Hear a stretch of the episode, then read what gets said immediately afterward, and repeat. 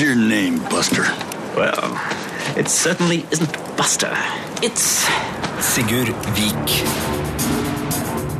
Filmpolitiet. God fredag, godtfolk, og velkommen til Filmpolitiet. Programmet for deg som mener at helga blir bedre når du kan kose deg med film, spill og TV-serier. Og i dag så har vi masse moro på plakaten. Hvis du digger ski og snowboard, så tjuvstartes sesongen med premiere på den spektakulære Supervention 2 på kino i dag. Og det nærmer seg halloween, så på skrekkfilmfronten serverer vi anmeldelse av oppfølgerfilmen Blair Witch. For dem som husker The Blair Witch Project, så er det her da oppfølgeren. Og så har vi fått sett på trolljegerregissør André Øvredals neste film, The Autopsy of Jane Doe. På TV-seriefronten så har det her vært ei knalluke, og vi skal se nærmere på den nydelige hiphop-komedien Atlanta, og ikke minst sesong sju av zombiegiganten The Walking Dead. Og norsk spillalert. Owlboy har vi venta veldig lenge på. Nå kommer det endelig. Marte Hedenstad har spilt det, og hun digger det. Filmpolitiet anmelder film. I idrett så blir du på en måte eksponert for de sterke og svake sidene dine. Og det er på en måte overførbart til alt annet du gjør. da. Hvis du ikke bare kjenner styrker og svakheter men du er villig til å gjøre noe med det og ikke er redd for å vise det til andre, så har du på en måte en, eh, en mulighet for å få til det meste. da. Supervention 2 er oppfølgeren av skidokumentaren som ble en pen kinosuksess i 2013. Regissørene Even Sigstad, Philip Christensen, Jan Petter Årskog og Lasse Nyhaugen har perfeksjonert sin filming av leikende ski- og brettkjøring i både by og natur. Det blir en globetrotter-reise gjennom flere verdensdeler med utøvere på jakt etter leik og moro på snø, og akkurat leiken blir fanga opp på en fortreffelig måte i Supervention 2. Den forteller oss at de her menneskene ikke gjør det for å være kule, de gjør det fordi det er gøy. Deres jakt etter nye opplevelser gir glede også i kinosalen. Idet de begynner å vurdere risiko, så han har gjort seg opp med tanker om at det kan skje noe. De er ikke for seg sjøl om lenger nå. da. Tidligere så har de bare meg sjøl. Flere av utøverne fra den første filmen er òg med her. De mest kjente er Terje Håkonsen og Aksel Lund Svindal.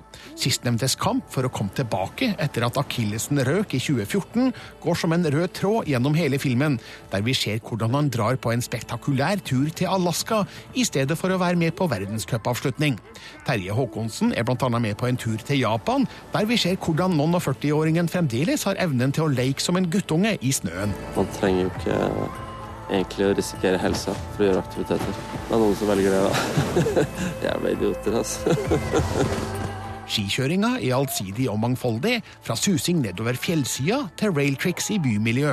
Kjørerne ser muligheter overalt og trår til med stort engasjement og innsatsvilje. Heldigvis viser filmen òg at de kjenner sine begrensninger, som er spesielt synlig i en sekvens fra koboltgruvene i Modum. Men ofte vises det òg vågestykker på lerretet, der tryggheten kan betviles, i hvert fall for en som trives best i slakke slalåmbakker. Vi ser flere stygge fall i Supervention 2, men det går som regel overraskende godt. Supervention 2 feirer fri utfoldelse med ski eller brett på beina. Den får meg nesten til å forstå hvorfor noen er villige til å klatre til toppen av et 1700 meter høyt fjell og stå på ski ned igjen.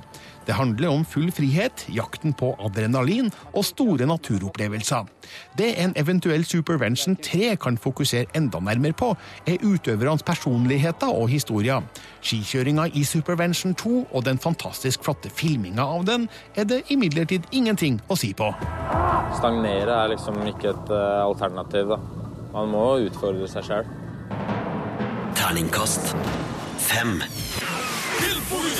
Filmpolitiet med Sigurd Vik. I dag er det norgespremiere på ski- og snowboardfilmen Supervention 2. En dokumentar med andre Aksel Lund Svindal, Terje Håkonsen, Markus Kleveland og Anders Bakke på rollelista, og som foregår i alt fra herlig japansk puddersnø via stupbratte norske fjellsider til lek i parken. Philip Christensen, regissør og produsent av Supervention 2, og Even Sigstad, regissør og skikjører fra Supervention 2. Velkommen til Filmpolitiet. Tusen takk. Tusen takk. Hvordan var det å lage Supervention 2? Eh, nei, eh, Supervention 2 har vært eh, to år eh, med blod, svette og tårer, holdt jeg på å si. Det har vært en kjempeintens prosess. En utrolig morsom prosess. Det har vært mye, mye som har skjedd underveis som vi, vi prøver å formidle over til kinolerretet. Og, og eh, ja, Even, du kan jo fortsette. Ja, nei, det har jo Vi har jo hatt som mål å gjøre det litt bedre, kanskje enda mer spektakulært og enda litt mer eh, interessant enn den forrige filmen. Så vi har jo jobba veldig hardt. Alle som har vært med, føler jeg har gitt alt i det prosjektet her for å virkelig ja, ha noe kult å vise fram på lerretet. Det ser jo helt eh, vilt ut til tider i denne filmen. Det er nesten sånn må gnisse litt i, i øynene innimellom. Og det er selvfølgelig fordi at kjøringa er helt vanvittig. Men hvor viktig er det å finne den rette kameravinkelen og utsnittet til å få det her til å bli skikkelig spektakulært? Det er jo egentlig like viktig at eh, kameravinklene er like spektakulære som skikjøringa. Det skal jo oppleves som en, en veldig sånn sterk visuell opplevelse, samtidig som en veldig kul lydmessig opplevelse. Og en kombinasjon av de bildene at du er med kjøreren ned fjellet, eller du ser det i storperspektiv fra fugleperspektiv. Um, det blir en kombinasjon av at du både ser det store, store bildet og det nærbildet, da, der du føler at du er er kjøreren selv og er med dem ned fjellsiden. Og det føler jeg vi har fått til nå, i forhold til spesielt også lyddesignet, som vi har steppet opp ganske mange hakk. Som gammel skater så har jeg opplevd at folk kan bli Altså ikke at det var verdt å, å ta med noe kamera når jeg var ute og rulla, men folk ble jo ganske skeptiske til at det skulle slides og hoppes på ting som ikke var bygd for å lekes på. Eh, dere gjør jo triks på ja, Jeg skal ikke avsløre hvor triksene skjer her, men det er både rekkverk i byen og ganske spektakulære steder så, i urbane omgivelser. Eh, hvordan gikk dere fram for å, å finne og få tilgang til de her spottene? Det er jo en eh, kombinasjon der eh, f.eks. Anders Bakke, som er en av kjørerne i filmen, som, som er helt eh, vanvittig flink til å, å, få med folk på ting. Og eh, han har hatt et par mål for øye i løpet av den produksjonen her som han har jobbet veldig hardt for å få til. Så det har vært en kombinasjon der vi, vi har gått inn og hjulpet han for å realisere disse sinnssyke prosjektene. Og jeg tror når vi står sammen så sterkt og en sånn kinofilm som blir sett av utrolig mange mennesker, da, da ser også de som blir med på prosjektet, verdien i det, og, og da, da, får man til de mest utrolige ting, da. For det, jeg tror litt før i tida så var det Ble man kanskje sett på som mer som noen kids som lekte i byen, men nå har dette blitt så mye større skala at at alle har lyst til å bli med på moroa, og det er kjempegøy. Vi merka jo nå som vi var ute, at mange hadde sett og hørt om den første Supervention-filmen. Så når vi sa at vi filma for en ny Supervention-film, så var, vi, ja, var plutselig mye mer velvillige blant folk. Da. Blant kommunearbeidere som eide bygninger, ja, generelt bedriftseiere. De bare 'Å ja, Supervention, ja, men det er kult'. Og så plutselig åpna det dører som vanligvis ville vært ganske lukka for oss, da. Så det er moro. Det var ingen sekvenser der politiet kommer og lurer på hva i dere holdt på med uh, her? Eh, jo, det var det òg. Men uh, de var som regel ålreite uh, og lot oss fortsette. Så det er moro. Vi skal snakke mer med Filip Kristensen og Even Sigstad, som har laga Supervention 2, men først litt musikk her i P3. Dette er Filmpolitiet. Filmpolitiet på P3. Du hører på Filmpolitiet, og vi har besøk av Philip Christensen og Even Sigstad. To av de fire regissørene som har laga ski- og snowboardfilmen Supervention 2, som har kinopremiere i dag. Uh, Philip og Even, hva slags forhold hadde dere sjøl til ski- og snowboardfilmer da dere var ung og lettpåvirkelig? Uh, jeg har jo alltid sett på ski- og snowboardfilmer uh, helt siden jeg var en ja, 13-14 år, når, første, når jeg først fikk tak i noen. Så det har jo vært uh, veldig viktig for meg og egentlig ja, den største inspirasjonskilden min. Det var jo der vi så hva som var mulig å gjøre på ski, og det var det som inspirerte oss når vi var i bakken. Det samme gjelder jo for min del og veldig mange andre, at uh, de filmene fra barndommen og ungdomstida, de, de, henger igjen fortsatt, de minnene der, når du fikk en uh, VHS til jul og og sleit igjen den, sleit den VHS-en ganske fort. Det, det visuelle inntrykket når man sitter igjen i den alderen der, tror jeg er sterkere enn det man forstår, eh, eller mange forstår. Og det er nettopp derfor jeg tror det er så viktig det vi, vi gjør nå, da, i forhold til de nye, den nye generasjonen. Jeg må bare benytte anledninga mens jeg har dere her begge to. Få ett tips fra hver akkurat på en klassiker innen ski- eller snowboardfilm som folk bør sjekke ut på internettet eller eventuelt på, på VHS-samlinga på bruktbutikken hvis de kommer over den der. På ski så er det jo én film som stikker seg ut. Det er Teddy Bear Crisis. Ja. Som ble laga av en nordmann og en amerikaner. Ja, Teddy Bear Crisis var jo en film som revolusjonerte skifilmsjangeren for mange mennesker. Og det utrolige var at vi hadde faktisk premiere sammen med de i Oslo. Og å se alle de stjernene og møte de ansikt til ansikt tilbake i den tida der, det var helt sinnssykt. Og eh, det er sånne minner som jeg aldri, aldri kommer til å glemme, fordi eh, det var de største stjernene på den tida. Og å kunne vise vår andre film sammen med de, det her var da 2005. Og ja, det var helt sinnssykt. Så på snowboard-biten så er det jo de gamle TV-filmene som jeg husker godt, med Johan Olofsson og, og, og mange av de gutta der. Um, det, det var stor inspirasjon. Hvordan er det for dere nå å ha laga flere filmer, da, ikke minst Supervision 1 fra 2013, men nå da kom en, en ny en, som er med og, og har det potensialet til å prege unge folk sin opplevelse av hva det er å, å leke i snøen? Det er jo noe av det som er ekstra morsomt og givende da, når vi får tilbakemeldinger fra folk som sier at de har sett den hundrevis av ganger, eller at det er det som de skal ut og bli som gjespekjeder, eller de skal ut og leke seg. Det er jo sånn ja, Det er da du føler at det, det faktisk betyr litt for noen. Da. da er det ikke bare tull og fjas, det vi driver med. Jeg tenker også at det er jo ja, for hvert fall for min del så og for mange av oss andre er jeg sikker på at det er den indre motivasjonen da, som når du, når du som Even sa, hører, hører, at folk har sett den 100 ganger og, og møter de ansikt til ansikt på premierevisninger og, og, ser den gleden vi klarer å gi til andre, det er, det er helt sinnssykt eh, kult. Så vi håper, håper at denne filmen klarer å skape like mye ski- og snowboardglede rundt i landet som den forrige. Philip Christensen og Even Sigstad, som har laga Supervention 2. altså. Tusen takk for at dere kom til Filmpolitiet. Tusen takk for at vi fikk komme. Takk for oss. Og uh, anmeldelsen av Supervention 2 den kan du selvfølgelig lese hvis du går på p3.no skråstrek filmpolitiet. Filmpolitiet. Filmpolitiet. Les mer om film, spill og serier på p3.no Filmpolitiet. Marte Hedenstad!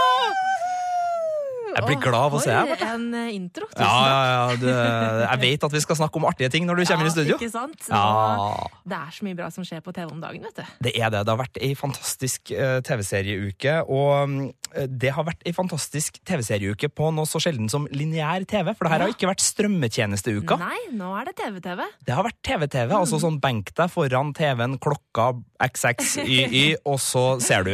Eh, vi må starte med det som kanskje er den største begivenheten som folk har gått og gleda seg mest til, nemlig sesongpremieren på sesong sju av The Walking Dead. En Oh, serie yes. jeg har ramla av på sesong fire av, men som du har fulgt og digger. Eh, Hvordan var det? Ja, altså, eh, det var jo dritbra.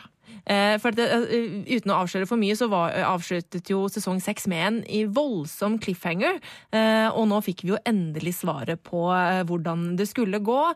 Jeg kan si så mye, for det, her har alle fått med seg. Det er noen som måtte dø, og nå fikk vi endelig vite hvem det var. Men episoden har jo fått litt sånn kritikk for at den er ekstremt voldelig. Jeg har sett et bilde av en fyr med et baseballbat som bare ikke er et baseballbat. Det har litt Ja. sånn ekstra Eh, er, grums eh, eh, rundt eh, Det er ja. Nigen som har eh, balltreet sitt med litt eh, eh, sånn eh, Hva heter det? Ståltråd eh, rundt. Eh, Barbed wire. barbed wire Yeah. eh, som han liker å ha det ganske gøy med. For det her er en fyr som er sadistisk eh, og en sånn skikkelig psykopat.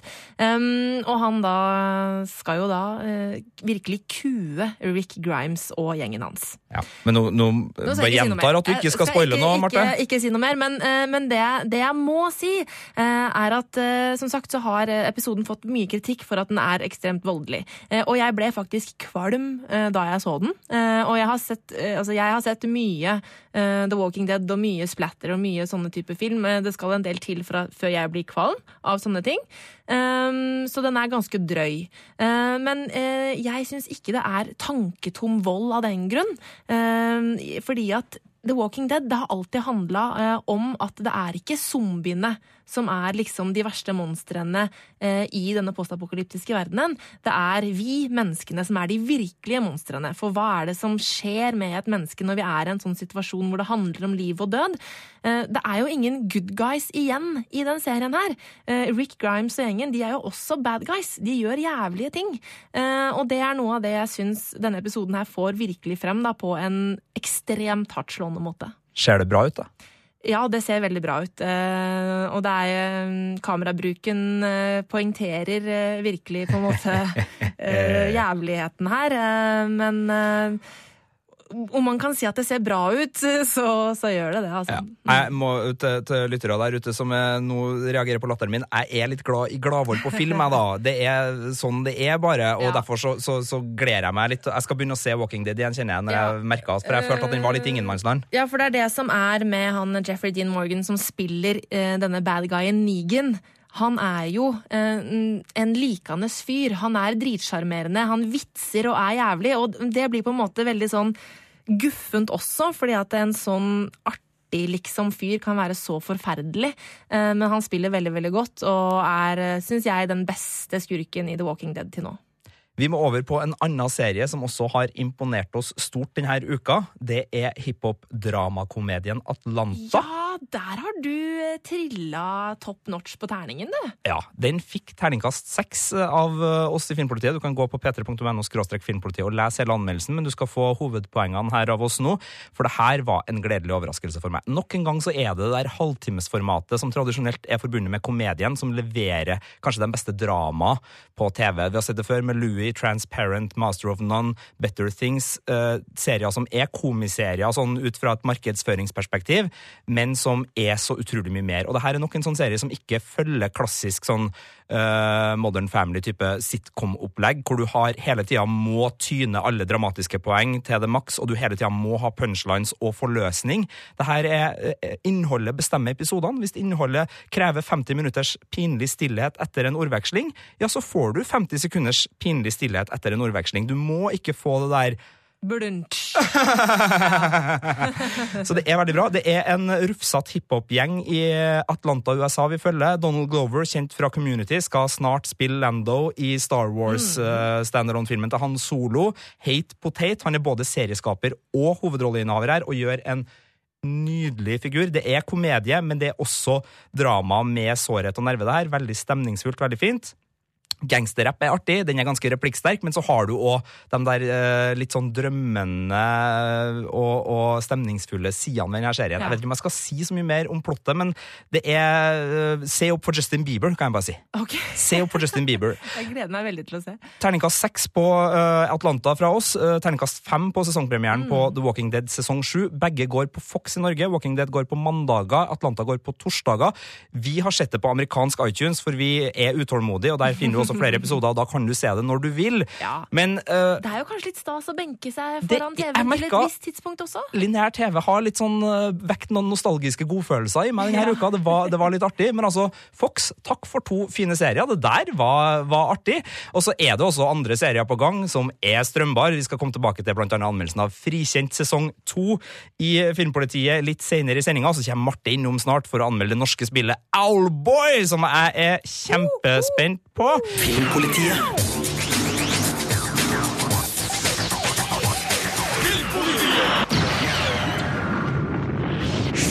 Filmpolitiet anmelder film. Do you believe in the stories about the Blair Witch?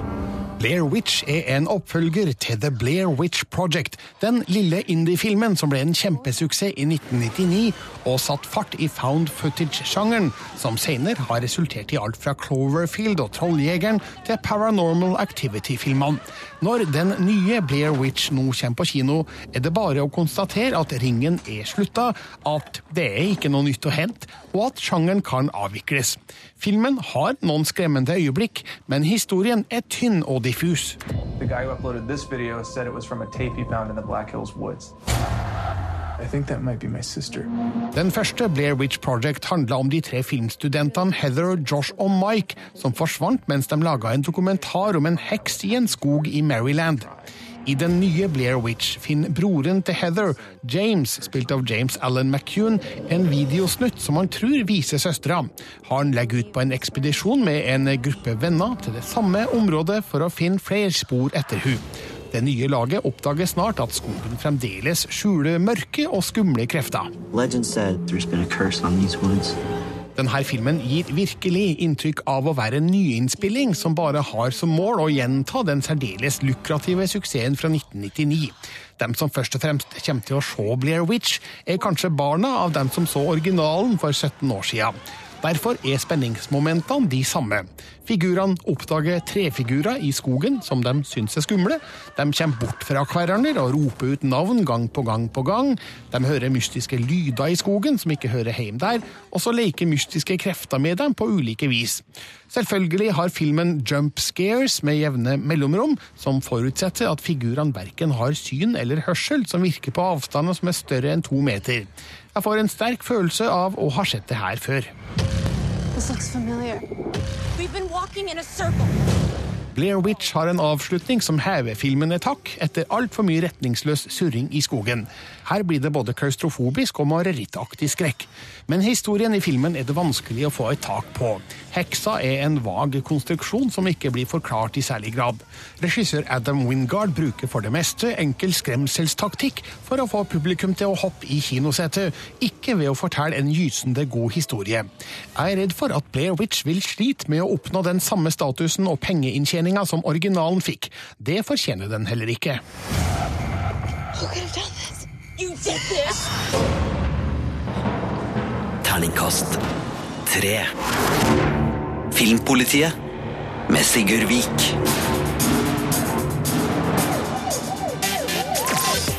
Klokka har akkurat passert 12 minutter og Nei, 6 minutter over 12 på denne fredagsformiddagen, og det handler om skrekkfilm i Filmpolitiet nå. For det er nemlig sånn at vi står på terskelen til den helga i året hvor det er aller mest passende, vil jeg påstå, å se skrekkfilm. Sjøl så har jeg en liten uh, triol av filmer jeg skal igjennom i helga, og jeg er en sånn fyr som når det begynner å nærme seg halloween, så går jeg for klassikerne. Det er dem jeg digger å se da, så jeg skal definitivt se den originale Poltergeist. Dere vet den med den lille jenta som sitter foran TV-apparatet, og så Ja.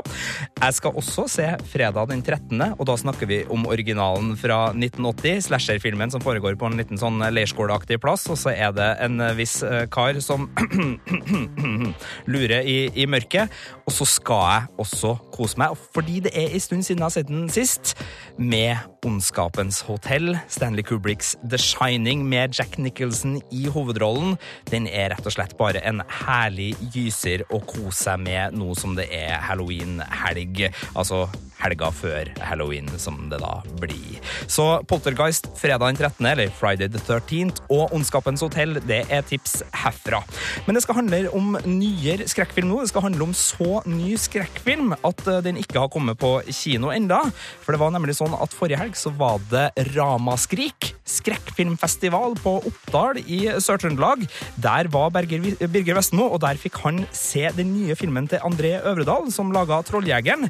Den heter The Autopsy of Jane Doe. Den får ikke kinopremiere før neste år. Jeg tror det er snakk om januar, men Birger har sett den, og Birger har tenkt å dele med dere hva han syns om den filmen. Det skal du få høre ganske snart.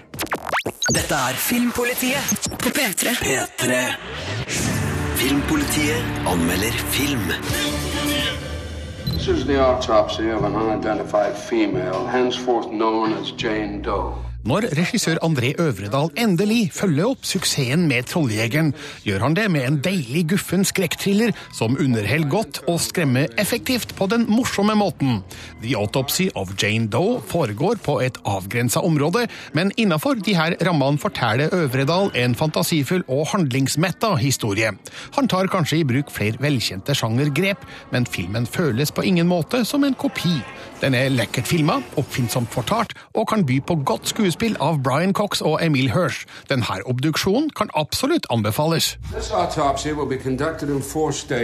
Tommy Tilden, spilt av Brian Cox, og sønnen Austin, spilt av Emil Hirsch, er privatpraktiserende patologer. En mørk og stormfull aften, sjølsagt, får de inn liket av en ung kvinne, som de må finne dødsårsaken til innen neste morgen. De kaller hun Jane Doe, navnet som ofte gis til en uidentifisert person i USA. Hun har ingen merker av noe slag på kroppen, men etter hvert som de to patologene bokstavelig talt skjærer seg stadig dypere inn i liket, finner de flere bisarre spor som de ikke helt får til å stemme. Followed by an internal evaluation. Sjølsagt er det nok av grufulle virkemidler i denne filmen. Øvredal sparer ikke på kruttet med blodige, nærgående bilder av indre organer. Sjølve Jane Doe er en overbevisende rekvisitt, en blanding av en ekte skuespiller, nemlig Alvin Kelly, en dukke og digital magi. Det er noe urovekkende ved denne bleike, glatte kroppen med sitt gråhvite, urørlige blikk som stirrer ubønnhørlig mot oss. Også stemninga rundt, med sviktende belysning, dunkle kjellerkorridorer og tordenskrall utafor, bidrar til å skape skrekkfryd. Her viser Øvredal at han tar i bruk velkjente triks for å skape den rette stemninga, noe som fungerer etter boka. Hei Dad. I think we should get out of here. The Autopsy of Jane Doe har en utvikling mot noe som ikke skal avsløres her, men marerittet blir stadig tettere, skrekken tiltar i styrke. Mye er basert på velkjente sjangergrep, men de brukes godt og rutinert av André Øvredal, som har laga en tøff liten sjangerfilm som er morsom å se på, som skremmer godt og har et frekt og elegant avslutningsbilde som tvinger frem et glis. Everybody has a secret. Terningkast fem. Dette er Filmpolitiet på P3. P3. The Autopsy of Jane Doe hadde sin første norske visning på skrekkfilmfestivalen Ramaskrik i Oppdal sist helg. Der var Filmpolitiets Birger Vestmo, og der var også regissør André Øvredal, som kunne fortelle at filmen kan gi han muligheter i Hollywood.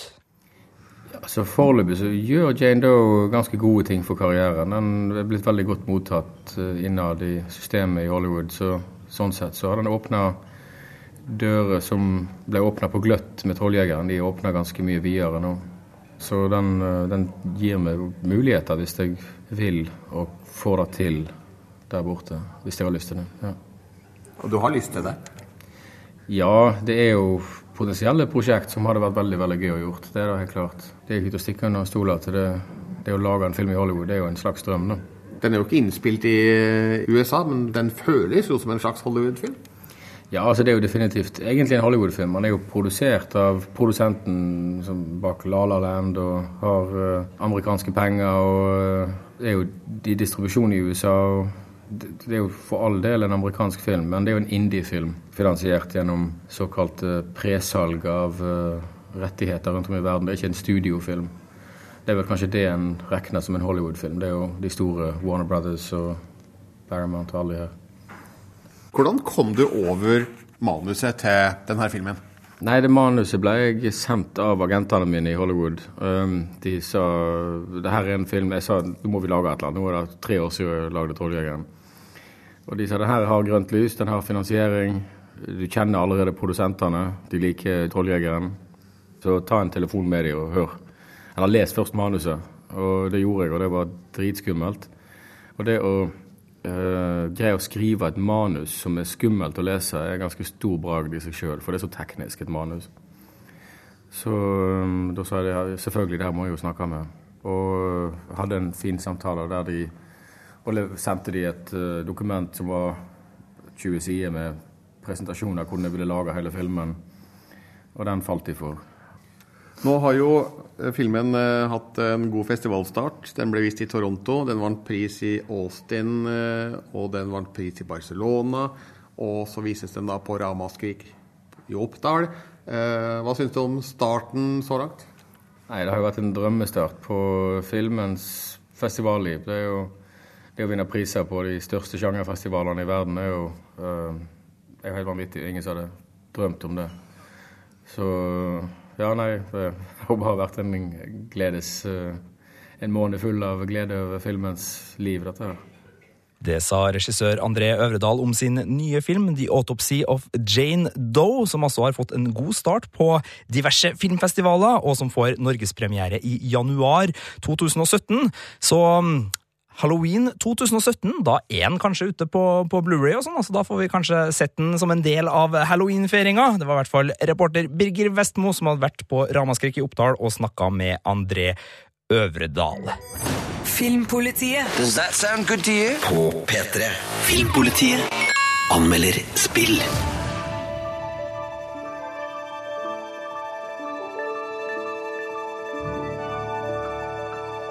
Hva er det vi hører lyd av her, Marte? Og her hører vi lyd av Owlboy. Norsk spill som vi har venta så lenge på, Sigurd. Vi har venta helt siden 2007 på det spillet her. Eh, Det er eh, Dpad Studios eh, fra bergensområdet som har laga det. Og Owlboy, det har vært på sånn masse sånne lister over sånn derre Dette er det vi venter på, sånn, dette, dette her kommer til å bli bra. Sånn derre Spillverdenens Westworld, er det det du sier? Som endelig kom, altså. Det har vært, ja. vært knytta ekstremt høye forventninger til det spillet her, og nå kommer det nå, 1. november. Og det er veldig, veldig bra, altså. Det høres veldig koselig ut. Ja, det er kjempekoselig.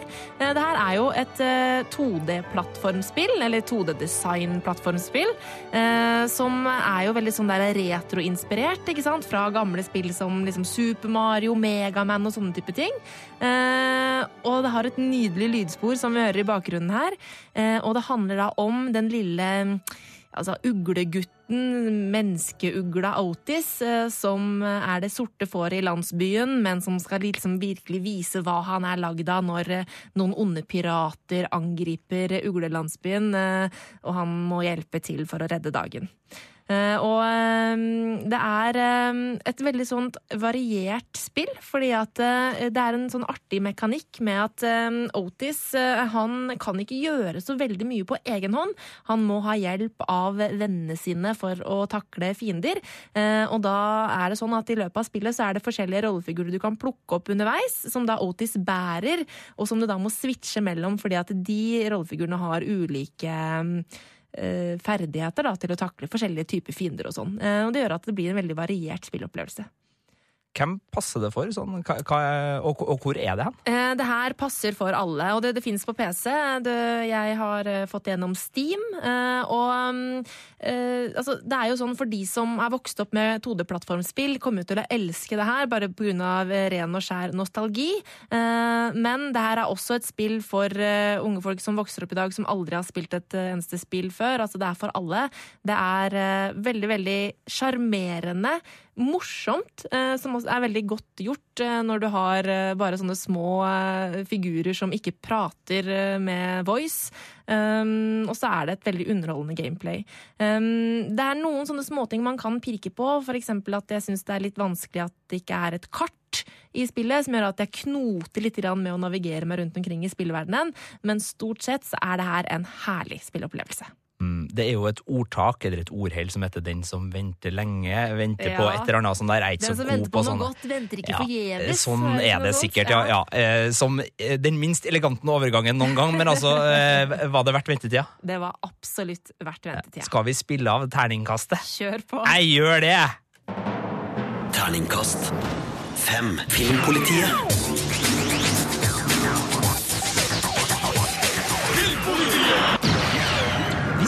Er gira på actionfilm, hvis det er din tekopp, eller kanskje kaffekopp mer hvis det er actionfilm, så følg med nå.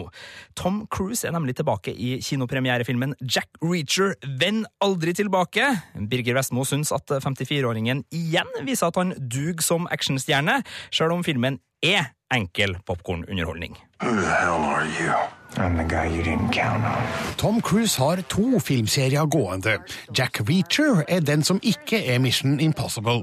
Det betyr mer grovkorna spenning med hardtslående nevekamper, basert på bøkene av forfatter Lee Child. Jack Reacher, Venn aldri tilbake, er rutinert, men kanskje litt flatt regissert av Edvard Zwick, med hardbarka action og en middels dose med spenning. Som enkel underholdning fungerer filmen på det jevne, helst med popkorn. I need your help. They killed my men. Den tidligere majoren Jack Reacher, spilt av Tom Cruise, lever fremdeles under radaren. Han må stikke hodet frem igjen når major Turner, spilt av Kobe Smulders, blir arrestert mistenkt for spionasje. Reacher forstår at noe ikke stemmer, og hjelper Turner med å rømme fra fengsel.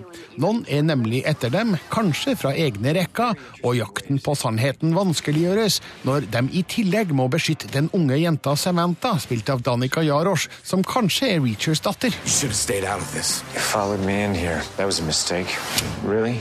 Filmen skildrer Reacher og Turners bekjentskap ekstremt kjapt. Regissør Svick Burd har brukt mer tid på å etablere forholdet mellom figurene. Her har det åpenbart vært viktigere å få dem ut i action så fort som mulig, men det skader figurutviklinga og publikums emosjonelle bånd til dem.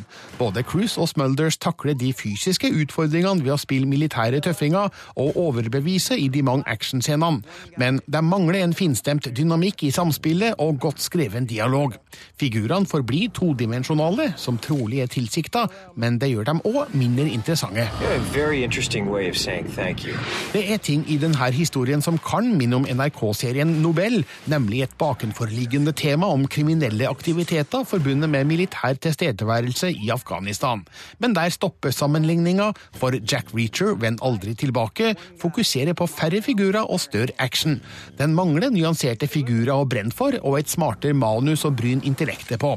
Action har den i massevis, så om det er tingen for deg, er filmen absolutt sjåverdig. Jack Reacher, Venn aldri tilbake, er ikke blant Tom Cruises beste, men han viser igjen at han fremdeles er i stand til å gi jernet som actionstjerne. You're going be wearing these cuffs on your way to prison. Well, that is one magnificent prophecy, Mr. Reacher. Terningkast fire. Filmpolitiet. Filmpolitiet. Les mer om film, spill og serier på p3.no Filmpolitiet.